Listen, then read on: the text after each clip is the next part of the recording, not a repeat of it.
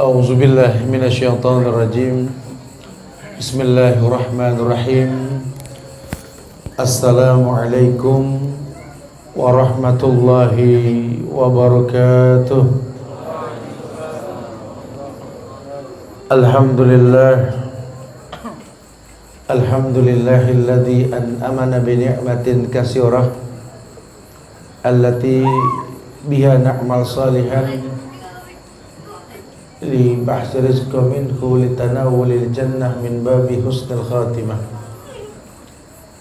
وإن الحمد لله نحمده ونستعينه ونستغفره ونعوذ بالله من سرور أنفسنا ومن سيئات أعمالنا من يهده الله فلا مضل له ومن يضلل فلا هادي له أما بعد فإن أحسن الكلام كلام الله وخير الهدى هدى محمد صلى الله عليه وسلم وشر الأمور محدثاتها وكل محدثات بدعة وكل بدعة ضلالة وكل ضلالة في النار معاشر المسلمين والمسلمات sidang majelis kajian rutin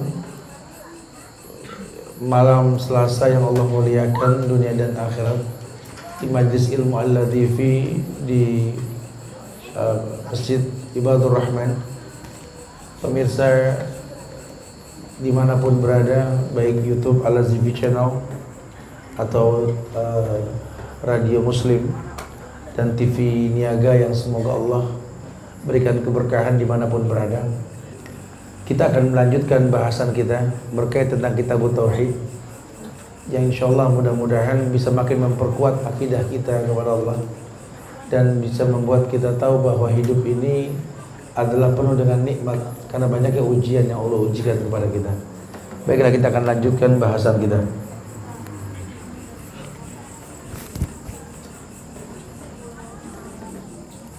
Qala al-muallif باب قول الله تعالى ألم تر إلى الذين يزعمون أنهم آمنوا بما أنزل إليك وما أنزل من قبلك يريدون أن يتحاكموا إلى الطاغوت وقد أمروا أن يكفروا به ويريد الشيطان أن يضلهم ضلالا بعيدا. وإذا قيل لهم تعالوا إلى ما أنزل الله وإلى الرسول رأيت المنافقين يصدون عنك صدودا. فكيف تكفرون؟ فكيف إذا أصابتهم مصيبة بما قدمت أيديهم ثم جاءوك يحلفون بالله. إن أردنا إلا إحسانا وتوفيقا. النساء ستين إلى اثنين وستين. وقوله وإذا قيل لهم لا تفسدوا في الأرض قالوا إنما نحن مصلحون. البقرة 11 وقوله وقوله تعالى ولا تفسدوا في الأرض بعد إصلاحها وادعوه خوفا وطمعا إن رحمة الله قريب من المحسنين. الأعراف 56 وقوله أفحكم الجاهلية يبغون؟ ومن أحسن من الله حكما لقوم يوقنون. المائدة 50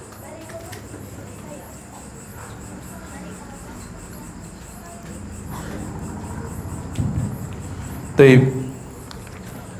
Uh, di dibahkan pada bab ini surat An-Nisa ayat 60 ketika Allah berfirman Alam tara ila alladhina yaz'umuna annahum amanu bima unzila ilaik wa ma unzila min qablik yuriduna ayyatahakamu ila at-taghut wa qad umiru ay yakfuru bihi wa yuridu syaitan ayudillahum dhalalan ba'ida. Ya.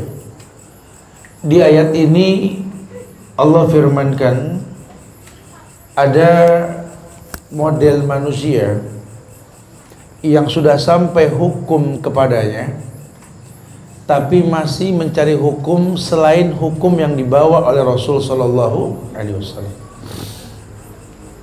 Ini zaman 14 abad yang lalu turun ayat ada kondisi manusia yang sudah sampai dakwah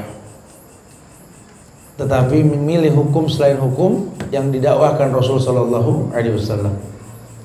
Turunlah ayat ini. Alam taro ilal ladina yaz'umuna annahum amanu bima unzila ilaik wa ma unzila min qablik. Tidakkah engkau perhatikan orang-orang yang beranggapan bahwa mereka beriman dengan wahyu yang diturunkan kepadamu ya Muhammad? dan wahyu yang diturunkan sebelummu. Yuriduna ayyatahakamu ila taghut mereka menginginkan untuk berhakim kepada taghut taghut itu yang diibadahi selain Allah jadi tidak total dalam beribadah. Sholat bukan tidak. Tahu Allah wajib ditaati. Tapi ada beberapa keadaan dia ini malah meninggalkan Allah gitu loh. Karena dia menganggap ada kebenaran. Bukan nggak tahu lam yalid walam yulad. Cuma kan saya pejabat gitu loh.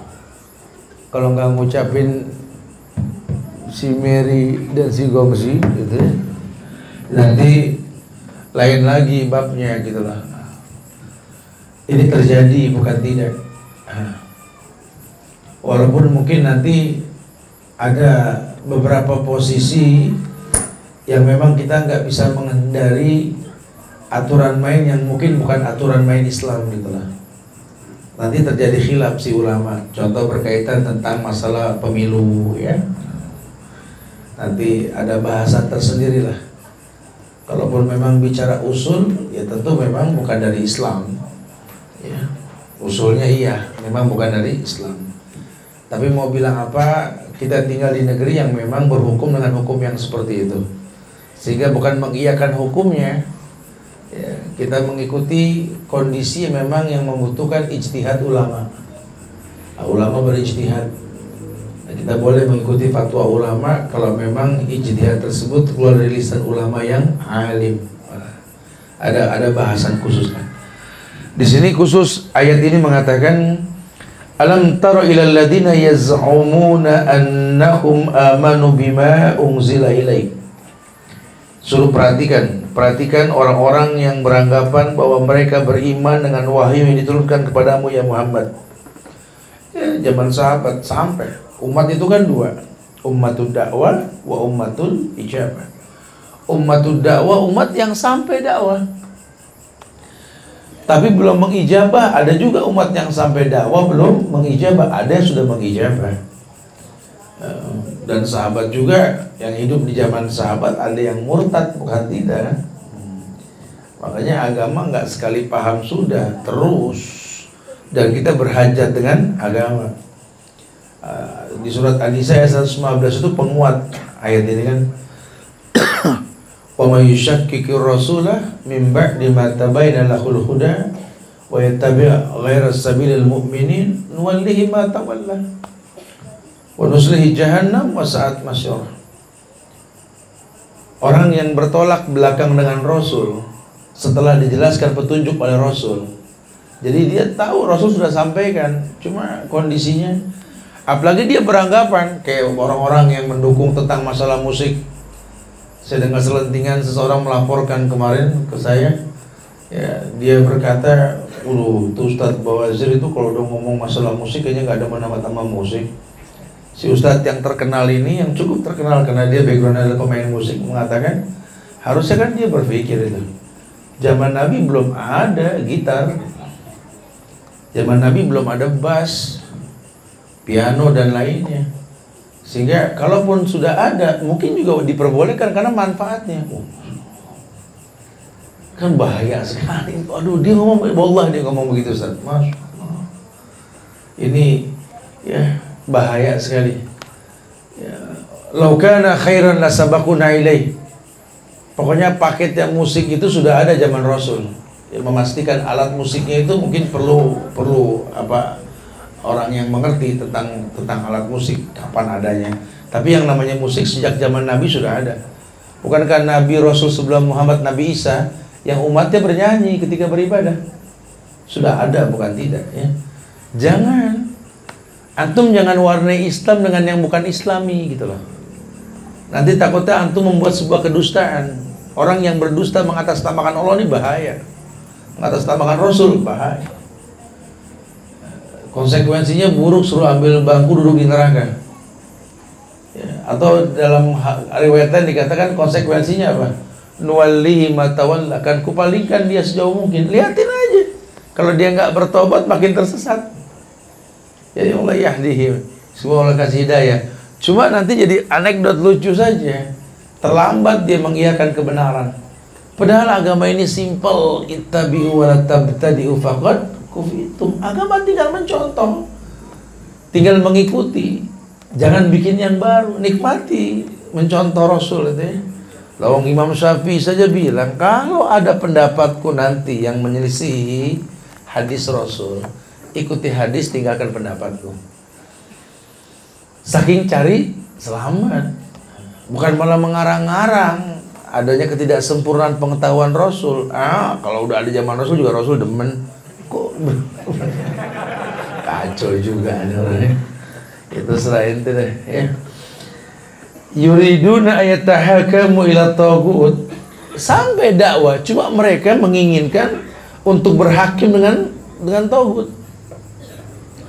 Hukum yang dibikin selain dari hukum Allah. Dia berusaha untuk berkeyakinan. Ini orang bukan nggak tahu Allah Ar-Razzaq bukan nggak tahu. Dia tahu Allah Ar-Razzaq yarzuqu liman yasha dia tahu Bahkan dia juga mengerti bahwa takwa itu resikonya wayarzuku min min yahtasib. Dengan dia bertakwa kepada Allah, Allah akan berikan solusi. Dia tahu bukan tidak. Kok sekarang malah menghayalkan muamalah dengan cara yang tidak islami gitu loh. Ini ini ayat itu bisa dimasukkan ke sana. Yuriduna ayatahakamu ila tagut qad umiru ayak furubihi sementara taugut yang dia ikuti ini kan ya uh, tujuannya untuk membuat kerusakan. Mereka diperintahkan untuk mengingkari taugut cukup Allah. Dalam tauhidnya kan la ilaha illallah. Itu kan pengingkaran tentang taugut kan? Sudah sampai kepada antum tentang rukun la ilaha illallah betul la ilaha nafi illallah isbat La ilaha hapus ilah. Ilallah tetapkan hanya Allah. Harusnya kan dia tahu di sini saja perintah mengingkari togut. Anda kalau mau mengaku Islam, tolong jangan langsung bilang yakin sama Allah tanpa menghilangkan togut dalam hidup Anda. Perintahnya bukan ilallah, la ilaha dulu baru ilallah. Kalau cuma sekedar mengatakan Allah, semua mampu. Tapi la ilaha nggak semua mampu. Maka diperintahkan untuk menentang dulu selain Allah dan menetapkan hanya Allah. Itu yang benar. Mereka diperintahkan mengingkarinya. Cuma yuriduna ayatahakamu ila tagut waqad umiru ayat furbihi. Sementara nabinya sendiri dakwanya itu la ilaha seluruh nabi mendakwakan la ilaha seluruh nabi dia tahu bahwa Nabi diutus di tengah-tengah zaman jahiliyah yang berbuat syirik. Karena orang jahiliyah zaman Rasul itu kalau bicara rububiyah, mereka juga berkeyakinan Allah loh. Allah yang menghidupkan, Allah yang mematikan. Mereka yakin rububiyahnya Allah. Mereka yakin sekali rububiyahnya Allah. Tapi yang mau bilang apa?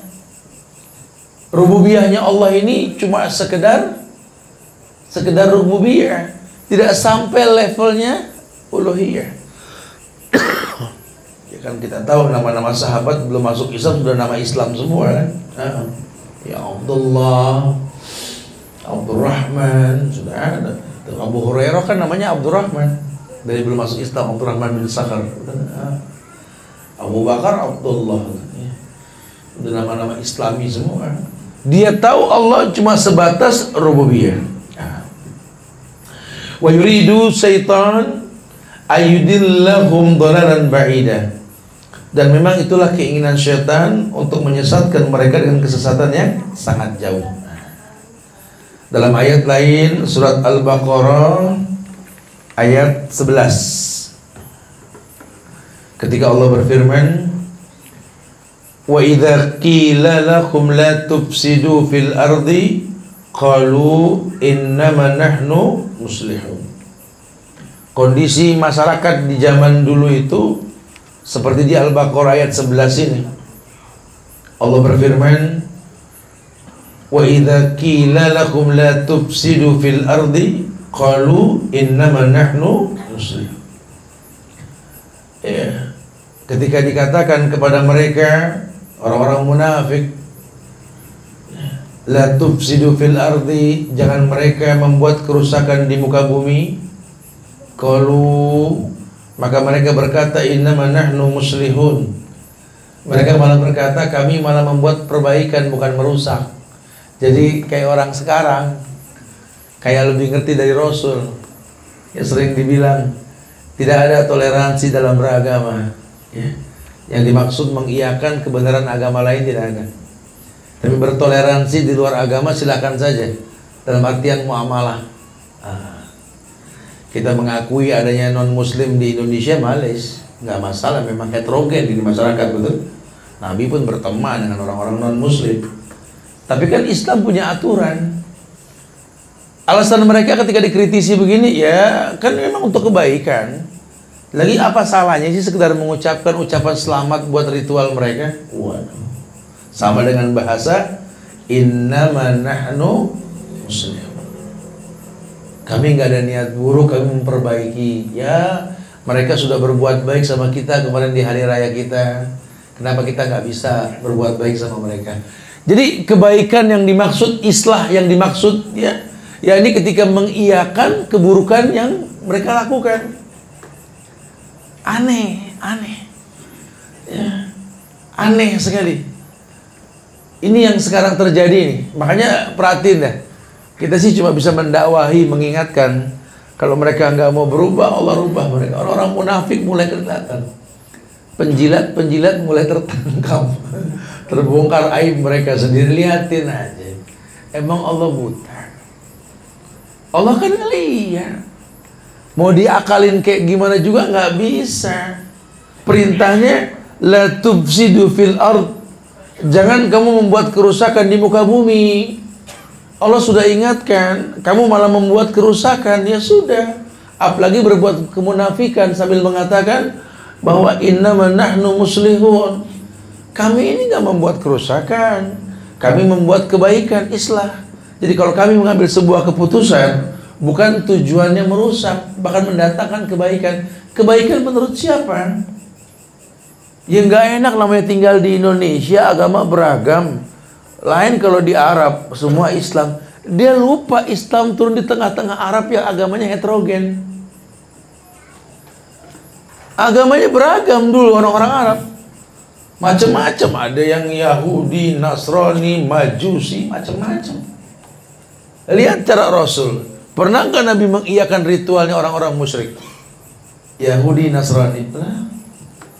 Karena Allah berikan ajaran sama beliau. Katakan ya Muhammad, wala ana abidum ma'abattum wala antum abiduna ma'hum. Lakum dinukum. Tauhidnya juga matang. Tauhidnya juga matang. Mereka paham banget al-ikhlas ini. Ya, karena konsekuensinya kalau mengiyakan agama lain bisa merontokkan beberapa ayat nah, ini paket jebakannya orang-orang yang benci sama agama ini. Dibikin orang-orang yang imannya kaleng-kaleng ini supaya gampang melipir, gampang terkecoh, ya pakai perasaan. Ya, kita berbuat baiklah sama beda agama karena kita sama-sama satu bangsa ini. Hei, kebaikan bukan mengiyakan akidah yang salah. Begitu loh bahasannya. Antum berbuat baik sama yang beda agama di Indonesia harus. Saling menghormati boleh. Cuma bukan mengiyakan akidah yang berbeda. Teman kita beda agama di Indonesia butuh bantuan, bantu.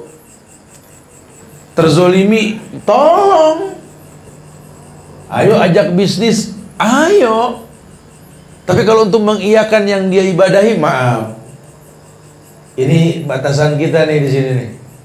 Karena wala anak abidu ma'abatum roh wala antum abiduna ma'abud gitu loh. Aneh nggak nyembah yang ente sembah. Ente pun sama. Makanya dalam Islam agama kami ahlul kitab musyrikin ini dibilang kafir. Itu kami sengaja bilang istilah kafir ini artinya orang yang mengingkari kebenaran yang dibawa Muhammad. Kan setuju mendingan kita bilangnya kafir arti orang yang ingkar ente bilang aneh domba Entah kalau anda bilang embe ngambek Kalau secara ilmiah sebenarnya kita memuliakan istilah itu. Lihat surat Nabi kepada Heraklius. Beliau mengatakan ila Hirokla azimir Rum. Ta'zim. Kepada Heraklius pembesar bangsa Rum.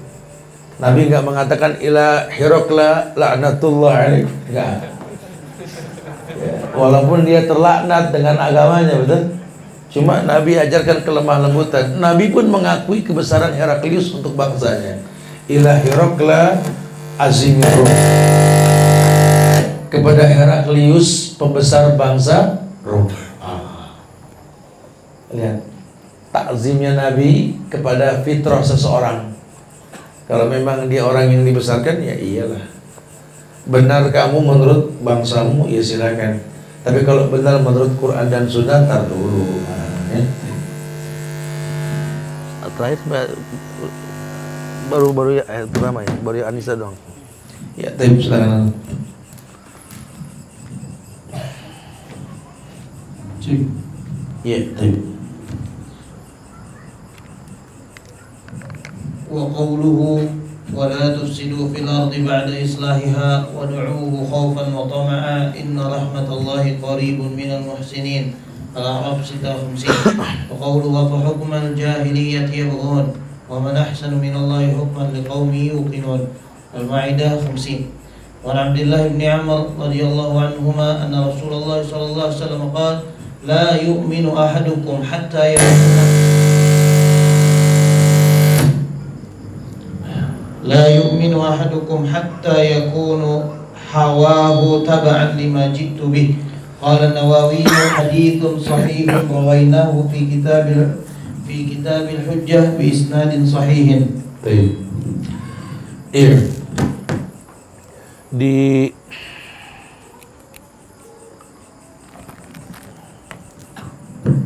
Taib, ya. Di ayat berikutnya di surat Al-Maidah ayat 85 wala tufsidu fil ardi ba'da islahiha. Ayat ini tegas banget ya. Wala tufsidu fil ardi ba'da islahiha. Dan janganlah kalian berbuat kerusakan di muka bumi ini setelah Allah memperbaikinya. Jadi memang terjadi kerusakan. Dulu ada umat sebelum umat Muhammad yang membuat kerusakan fitnah pun terjadi sehingga diturunkan pada setiap kaum, setiap umat seorang nabi. Hingga turunlah Nabi Muhammad sallallahu alaihi wasallam sebagai khataman nabiyyin, penutup para nabi dan rasul yang mengislam. Maka dibilang Islam itu liyuzhirahu ala dini kulli. Islam itu agama yang mewarnai semua agama yang ada. Dan wujud beliau dengan nabi sebelumnya itu bedanya kalau nabi sebelumnya diutus per kaum, kalau Rasul rahmatan lil harusnya ini kita pegang. Maka penutup ayat al-yawma akmaltu lakum dinakum. Harusnya ayat ini mengabarkan kepada dunia telah sempurna Islam sudah. Jangan ditambah Nusantara, jangan ditambah liberal, jangan ditambah Syiah, jangan ditambah embel-embel. Kalian harus sadar Islam ini murni yang di Quran inna dina indallahil Islam tanpa embel-embel. Jadi kadang-kadang kita suka pakai embel-embel sih.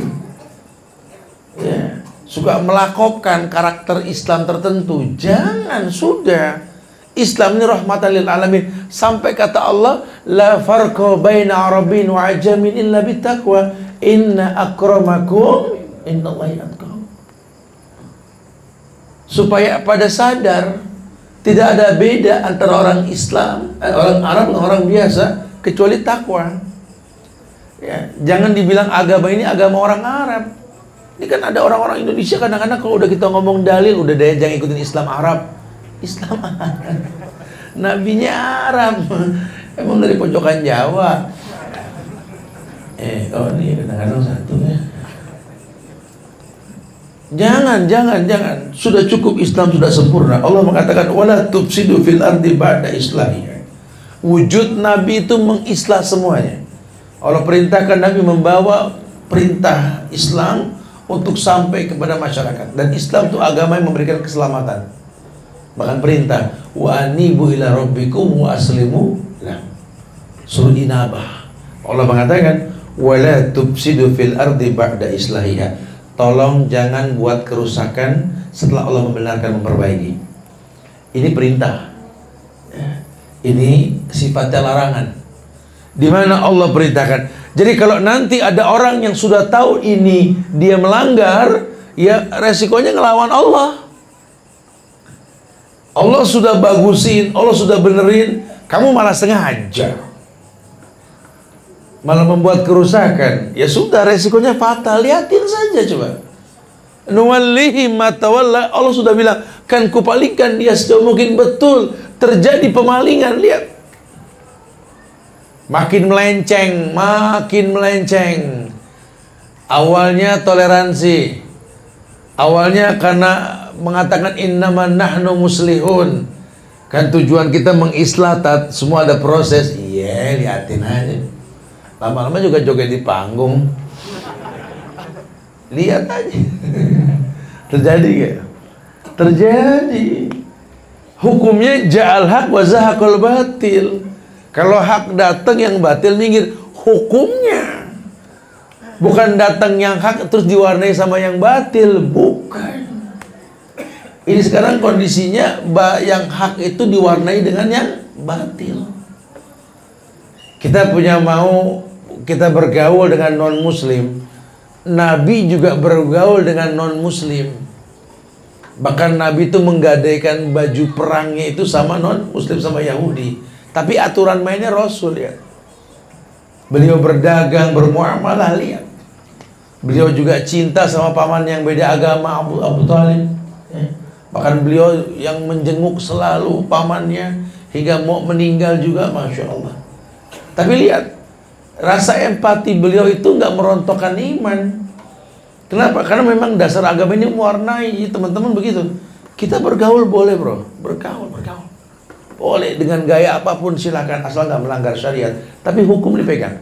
Islam mewarnai bukan diwarnai. Antum mau berteman sama orang-orang kafir silakan, tapi tolong, tolong jangan sampai antum berubah cuma gara-gara bergaul sama orang kafir. Iya, Iya. Kemudian surat Al-Ma'arij. Hajar haras. Tapi nanti pada Isya. Assalamualaikum warahmatullahi wabarakatuh. Alhamdulillah. Hamdan kasiran tayyiban mubarakan fi kama yuhibbu rabbuna wa yarda amma ba'd.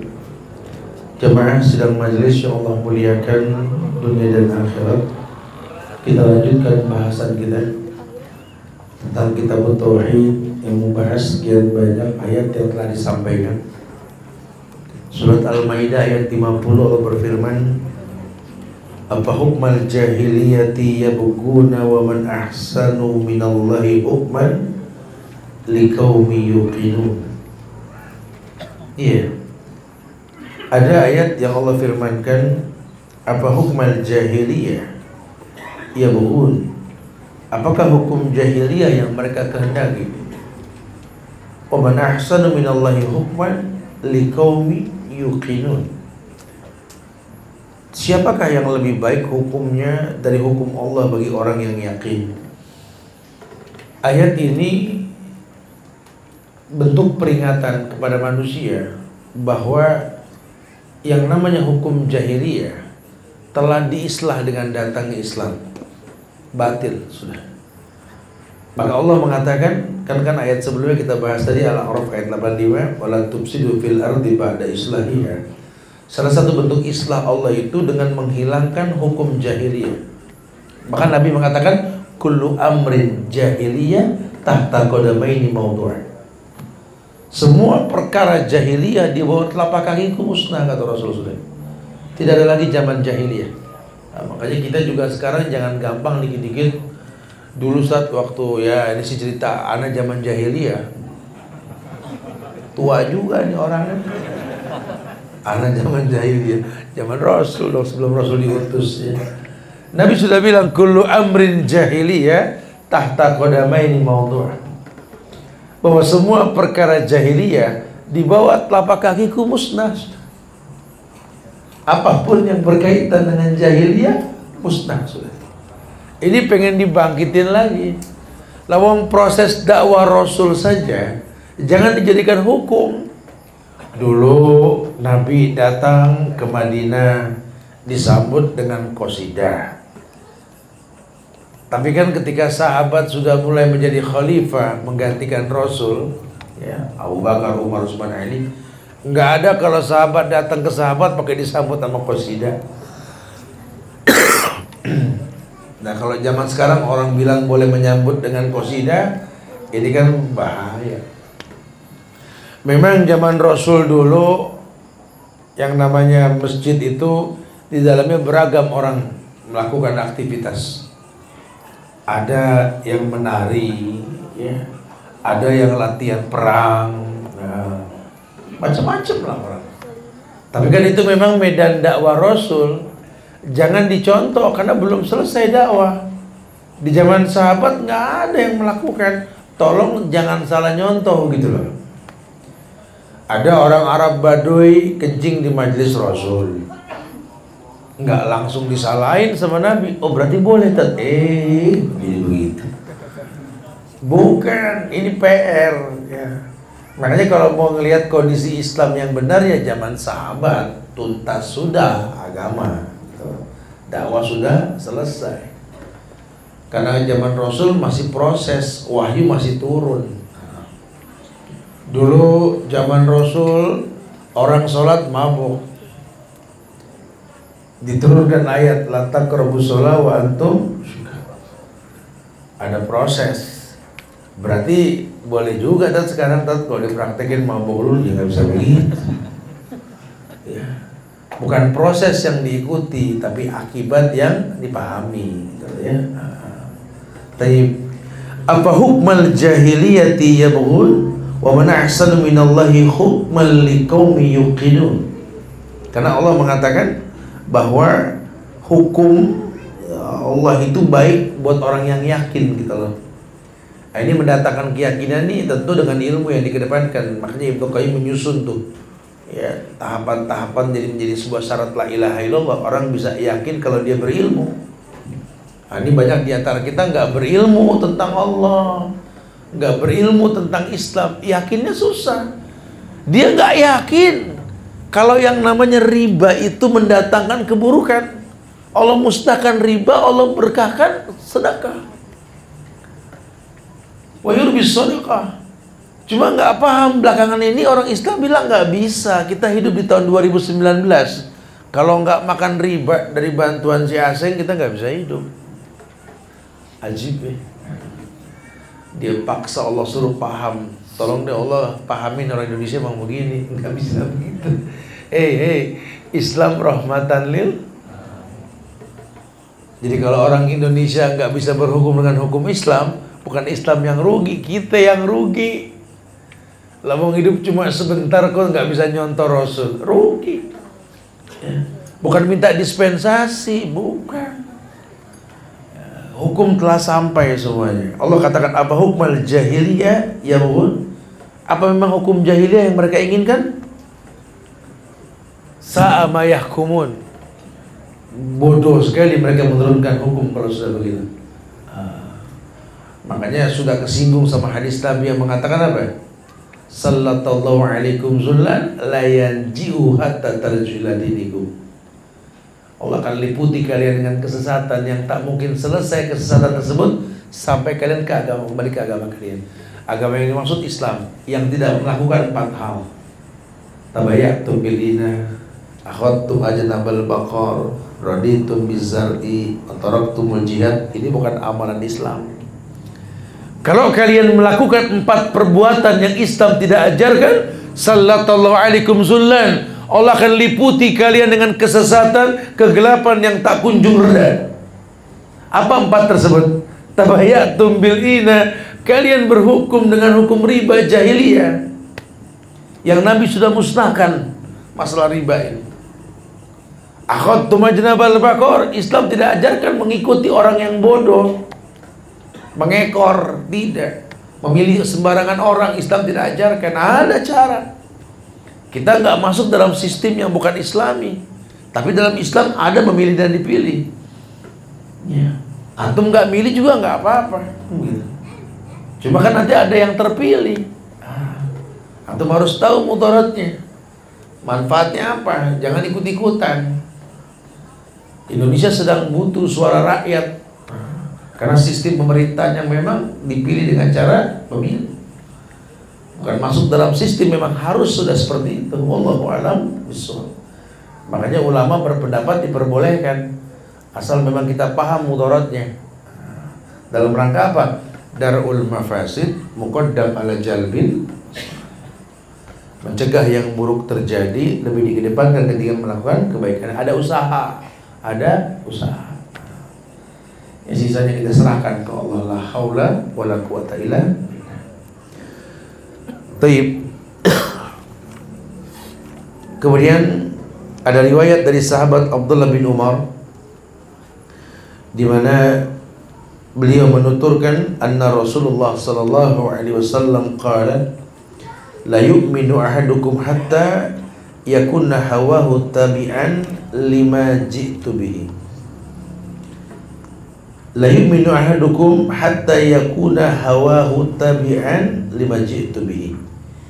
Kata Abdullah bin Umar dulu Rasul pernah mengatakan Tidaklah sempurna iman seseorang di antara kalian Hatta sampai Yakuna hawahu tabian lima ji'tu bihi. Sampai nafsunya mengikuti syariat yang aku bawa ya, Bahkan dalam bentuk syahwat pun Keinginan pun Dulu suruh suruh mengikuti syariat Jadi nggak lepas kontrol apa sih yang membuat sahabat ini imannya nggak kaleng-kaleng San? Karena sama Rasul deket, ketemu sama Rasul. Sama dengan antum. Antum kalau pengen betul-betul bagus agama, jangan jauh dari guru-guru antum. Ya. Sahabat-sahabat Nabi itu berteman sama Nabi, tahu rumah Nabi, kenal kehidupan Nabi, tahu tahu bergaul, bercanda bersama Rasul, berjihad bersama Rasul, senyum bersama Rasul, menangis bersama Rasul, mereka tahu. Makanya beda umat Muhammad dengan umat-umat Nabi sebelumnya. Kalau umat-umat Nabi sebelumnya, Nabi suruh berjalan, Nabi suruh berjalan, suruh berjihad, mereka tunggu. Kalau umat Muhammad diikuti. Berangkatlah wahai Muhammad kami besertamu. Yang muhajirnya lain, yang ansornya lain. Ya. Kenapa? Karena dia kenal Rasul. Betul-betul mereka paham Rasul. Karakter Rasul paham. Ya. Abu Bakar paling paham tuh. Abu Bakar paling paham. Ya, makanya ketika ayahnya masuk Islam, itu Abu Bakar menangis. Bingung Nabi, bukan senang ayahmu masuk Islam, Abu Bakar. Abu Kuhafa masuk Islam saat itu ketika Futuh Mekah. Kata Abu Bakar, "Wallahi ya Rasul, lo anna hadal yad yada ammik lakana khairan minhu." Dalam banget itu. Bagaimana aku nggak menangis kalau tangan yang dipegang oleh tangan ayahku adalah tangan pamanmu kau lebih senang. Tahu sedihnya Rasul. Mendakwakan pamannya nggak bisa masuk Islam. Yang tua. Ini ada orang tua datang gelendotan tangan. Lama waktu ayada Abi Bakrin ala yadi Rasulullah sallallahu alaihi wasallam. Fabaka Abi Bakar. Ketika tangan Abu Kuhafa di tangan Rasul dan Abu Bakar menangis. Padahal ayahnya berbaiat untuk masuk Islam, Abu Kuhafa itu. Dia tahu sekali, Nabi juga manusia sedih lah. Dia berdakwah ke mana-mana, orang dengerin. tapi dia sendiri nggak bisa mendakwahkan keluarganya, bukan nggak bisa mendakwahkan, hidayah nggak didatangkan untuk keluarganya. Ini satu bukti bahwa hidayah bukan urusan kita. Wa ma yantiqu anil hawa in huwa illa wahyuha. Seukuran nabi yang berkata dengan wahyu, Allah katakan ya Muhammad, innaka la tahdi man ahbabta walakin Allah yahdi man Kamu nggak bisa berikan hidayah Muhammad, hidayah urusan Allah. Makanya jangan terwarnai dengan ujian. Anda seorang suami, ajarkan istrimu tentang kebaikan. Kalau sampai dia nggak mau jadi baik, nasihatin terus. Masih nggak juga, nasihatin terus. Ambil sikap, jangan jadi stroke ringan gara-gara pegal sama bini gitu. Bini juga begitu sama suami. Ya kan, hunna libasun lakum kamu pakaian buat suamimu. Kalau suamimu berbuat salah, tutupi ingatkan. Masih nggak berubah juga, ya sabar terus aja ingetin karena hidayah urusan Allah. Ya, sering kan begitu ibu istri pegel sama suami betul? Suami lebih pegel sama istri. Betul main pegel-pegel. Pegel sama anak. Iya oh, masya Allah ujian. Ya, kita nyampein ke anak orang anak orang pada paham. Anak kita nggak paham paham. Ujian. Tapi jangan terpancing. Agama nggak mewarnai agama nggak agama mewarnai bukan diwarnai. Ya, jangan sudah oh iya ya anak yang bangor ya anaknya Nabi aja ada yang bangor gitu ujian sahabat juga begitu ya masya Allah ini ujian tapi yang pasti jadilah seorang muslim yang mewarnai bukan diwarnai gitu. Wallahu a'lam. Taib kita bahas kandungannya.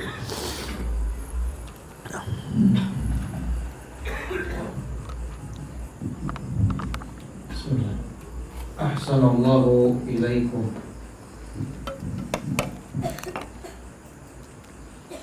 فيه مسائل. الأولى تفسير آية النساء وما فيها من الإعانة على معرفة فهم الطاغوت. الثانية تفسير آية البقرة وإذا قيل لهم لا تفسدوا في الأرض الآية. الثالثة تفسير آية الأعراف ولا تفسدوا في الأرض بعد إصلاحها الرابعة تفسير أفحكم الجاهلية يبغون. الخامسة وما ما قال الشعبي في سبب نزول الآية الأولى. السادسة تفسير الإيمان الصادق والكاذب. السابعة قصة عمر مع المنافق. الثامنة كون الإيمان لا يحصل لأحد حتى لا يحصل لأحد حتى يكون هواه تبعا لما جاء به الرسول صلى الله عليه وسلم. طيب. Iya. Dalam bahasan tadi ada delapan kandungan yang bisa dibahas. Yang pertama tentang tafsir surat An-Nisa yang di awal kita sampaikan tadi mengenai alam tara ila alladziina yaz'umuna annahum amanu bima unzila ilaik wa ma unzila min qablik.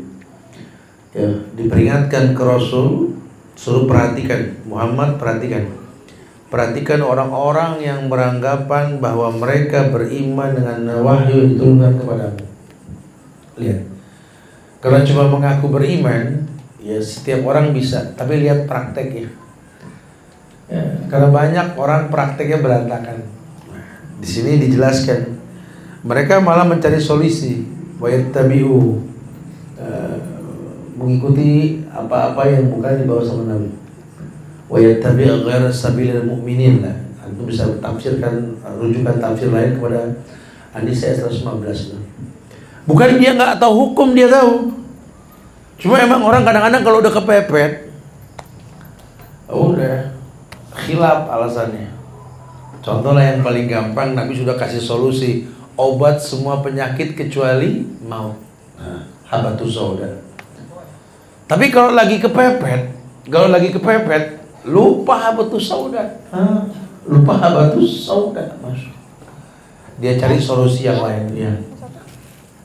Ya dulu saya biar biar kerja dulu ya. jadi betul-betul memang uh, menjadi sebuah bagian bahwa dalam Islam ini diinginkan kita untuk memahami bahwa orang ini kalau diuji baru orang kalau diuji baru baru paham. Kalau belum diuji belum paham, masya Allah. Makanya kita kalau mau lihat kelasnya orang lihat ujiannya, lihat ujiannya. Uh, begitu kata Rasul, Inna Allah idza ahabba kauman ibtalahu. Bentuk cintanya Allah itu ya ujian. Surat uh, Al-Ankabut ayat 1 hingga 3 itu. Ahasiban nasu ayutraku ayakulu amanna wa hum la yuftanun. Apakah mereka menganggap kalau mereka sudah beriman mereka nggak diuji? Allah uji mereka.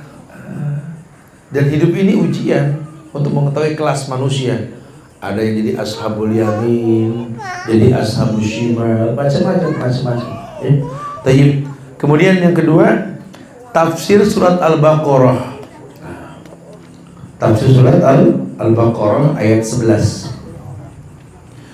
Wa idza qila lahum la tufsidu fil ardi qalu innama nahnu muslihun. Wa idza qila lahum la tufsidu fil ardi qalu innama nahnu muslihun. Iya. Mereka orang-orang munafik ketika dikatakan la tufsidu fil ardi. Jangan kalian merusak. Mereka mengatakan inna innama nahnu muslihun kami berbuat islah. Ah. Semua orang-orang munafik begitu. Ya, ya kita ini banyak mengatasnamakan politik, membawa-bawa agama. Padahal syariat sudah nggak berubah. Padahal syariat sudah tidak berubah. Cuma yang mau bilang apa? Kondisinya seperti itu. Nah, buat orang yang beriman nggak terkecoh. Silakan mereka mengatasnamakan Islam, tapi kita paham Islam. Kita mengerti Islam. Ya nggak nggak terkecoh. Walaupun penampilannya berusaha untuk islami dengan kopiah dengan apa jas songkoknya sarungnya pilihlah kami. Waduh. Yang mau pilih ente siapa bro? Nggak kita nggak terkecoh lah. Ya Taib Wa idza qila lakum la tufsidu fil ardi qalu innama nahnu muslihun. Sudah karakter Orang-orang munafik kalau dikritisi mereka mengatakan kami yang benar. Benar menurut kami, kami yang benar. La tufsidu fil ardi. Mereka katakan inna nahnu muslimun. Sehingga sekarang kondisinya yang benar dibilang salah. Yang salah lebih banyak. Sekarang tuh kondisinya kayak begitu. Subhanallah. Ya, sabar mesti dikedepankan kalau sudah begini. Tafsir surat Al-A'raf ayat 85. Wala tubsidu fil ardi ba'da islahiha. Lagi-lagi berkait dengan bahasan sebelumnya. Suruh diingat bahwa kondisi sekarang ini adalah hasil islah masa lalu. Jadi kita yang harus ber, ber, belajar tentang asbabun nuzul. Uh, supaya jangan salah. Ya, jangan kamu ulang lagi kerusakan setelah ada islah tadi. Dulu zaman Nabi mungkin ada orang yang menari di masjid, perang-perangan di masjid. Dulu. Kemudian kan pada akhirnya zaman sahabat nggak ada. Kenapa? Karena memang pada akhirnya turun ayat la masjidun usis ala taqwa min awali yaumi. La masjidun usis ala taqwa min awali yaumi. Ini masjid didirikan atas dasar takwa, bukan main-main. Jangan jangan kamu rusak lagi setelah Allah benarkan gitu loh. Ini sengaja pengen dibikin masjid kaleng-kaleng. Nah, lama dibikin masjid diror di situ lagi ya. Aduh. Iya dubillah wa na'udzubillah ya. Ada lagi masjid diror itu cuma zaman Rasul doang ya. Pun kondisi yang Anda buat juga dulu sebelum tuntas dakwah. Ya, jangan, jangan dimulai lagi dari mulai lagi nanti. Tapi Kemudian uh, tafsir surat Al-Maidah ayat 50 ya. Apa hukmal jahiliyati yabghuna wa man ahsanu minallahi hukman liqaumi yuqinun. Ya. Jadi hukum-hukum Allah itu ya buat orang yang yakin. Taib kemudian uh, yang kelima ada pendapat Asy-Sya'bi beliau menuturkan bahwa dahulu pernah terjadi pertengkaran antara seorang dari kaum munafikin dengan seorang Yahudi. Jadi asbabun nuzul sebenarnya. Ayat surat uh, apa tadi surat uh, An-Nisa tadi. Orang Yahudi bilang sama orang munafik, coba kamu tanya ke nabi kamu deh. Orang munafik bilang kamu juga tanya kepada pendeta kamu. Lama-lama mereka sepakat ya udah dah jalan tengahnya kita nanya dukun aja dah. Jadi kayak sekarang ya, orang Islam berteman sama non Muslim, ujung-ujungnya sepakat yang diikutin komunis. Begitu kondisinya. Karena bisa dipadukan nih antara nasionalis, syariah dan komunis. Waduh, bahaya. Nah, ini pernah ada usaha untuk menyatukan itu nasionalis, syariah dan komunis. Ya, ya nggak bisa lah. Ini Islam mayoritas dan orang-orang Islam selalu belajar dan belajar akan menjadikan kebaikan. Nah, dulu asbabnya begitu. Kemudian juga uh, tafsir makna iman yang sebenarnya dan iman yang yang palsu di apa di hadis yang mau dikatakan la yu'minu ahadukum hatta yakuna hawahu tabiyan lima jitu bi. Jadi kalau mau tahu iman yang iman yang benar sama iman yang palsu, ya, suruh suruh apa?